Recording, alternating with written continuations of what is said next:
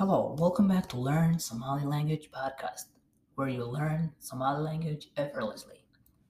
Today I have Somali idioms for you guys. I have five idioms that you can learn and use them. The first one says, Niman shaqaysan shah ma'abo. Niman shaqaysan shah ma'abo. Whosoever does not work won't even drink a cup of tea. Whosoever does not work won't even get won't even drink a cup of tea. It is pretty similar to this to the English idiom that says no pain, no gain. No pain, no gain. Meaning if you don't work, then my friend, you cannot purchase anything. A cup of tea isn't expensive uh, back in Somalia.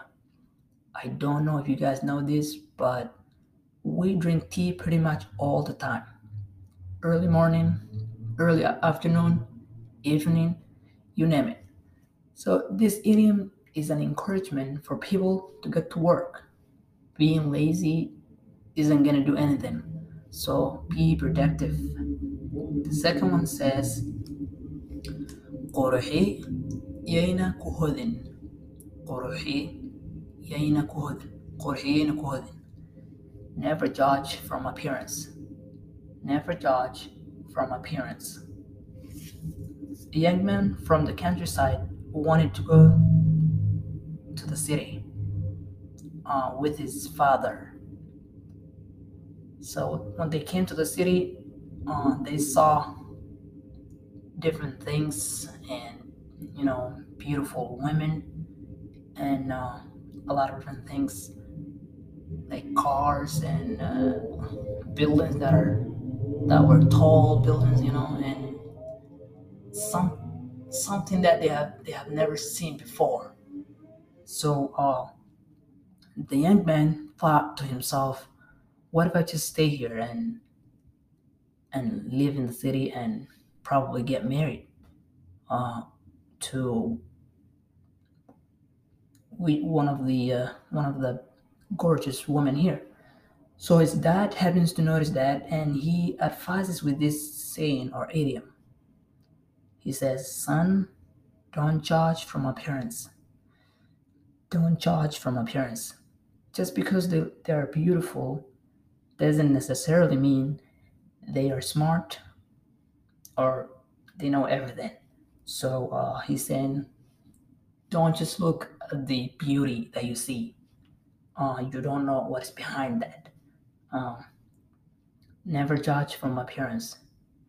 Probably saying that get to know the person before just because you see some you know someone beautiful that it means that they know they're rich or they know you know something that you don't know so it's basically saying you know just be smart okay the third one is barasho horteed ha inecin barasho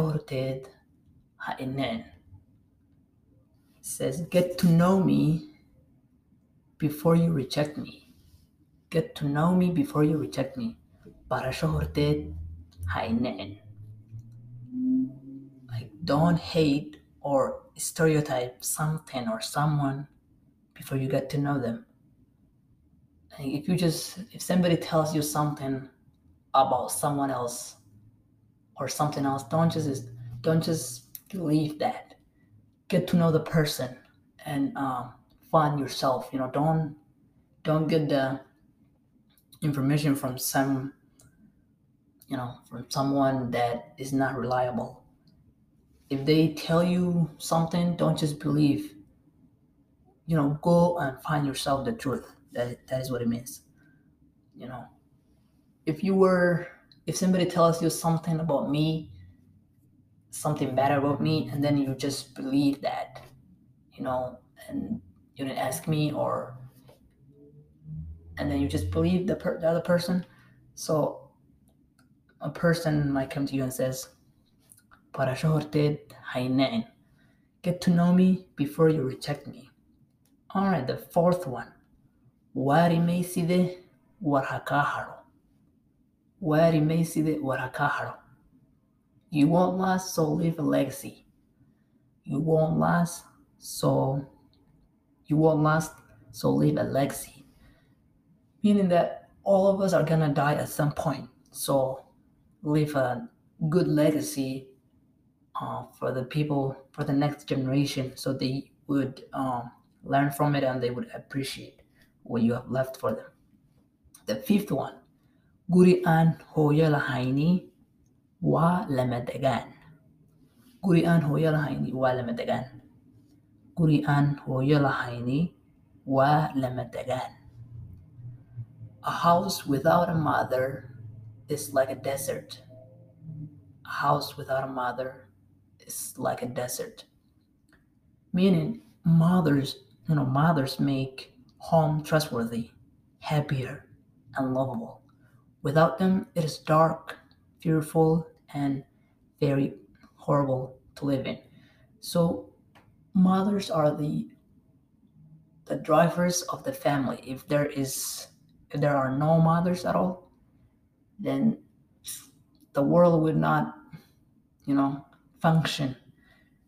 Uh, so uh, yep and then probably that's all i get. So i'll be i'm gonna bring a lot of uh, somali idioms and proverbs. Probably i'll make another episode. So uh yep i will make another episode. Bismillah and and yeah that's all i get for today. And have a wonderful day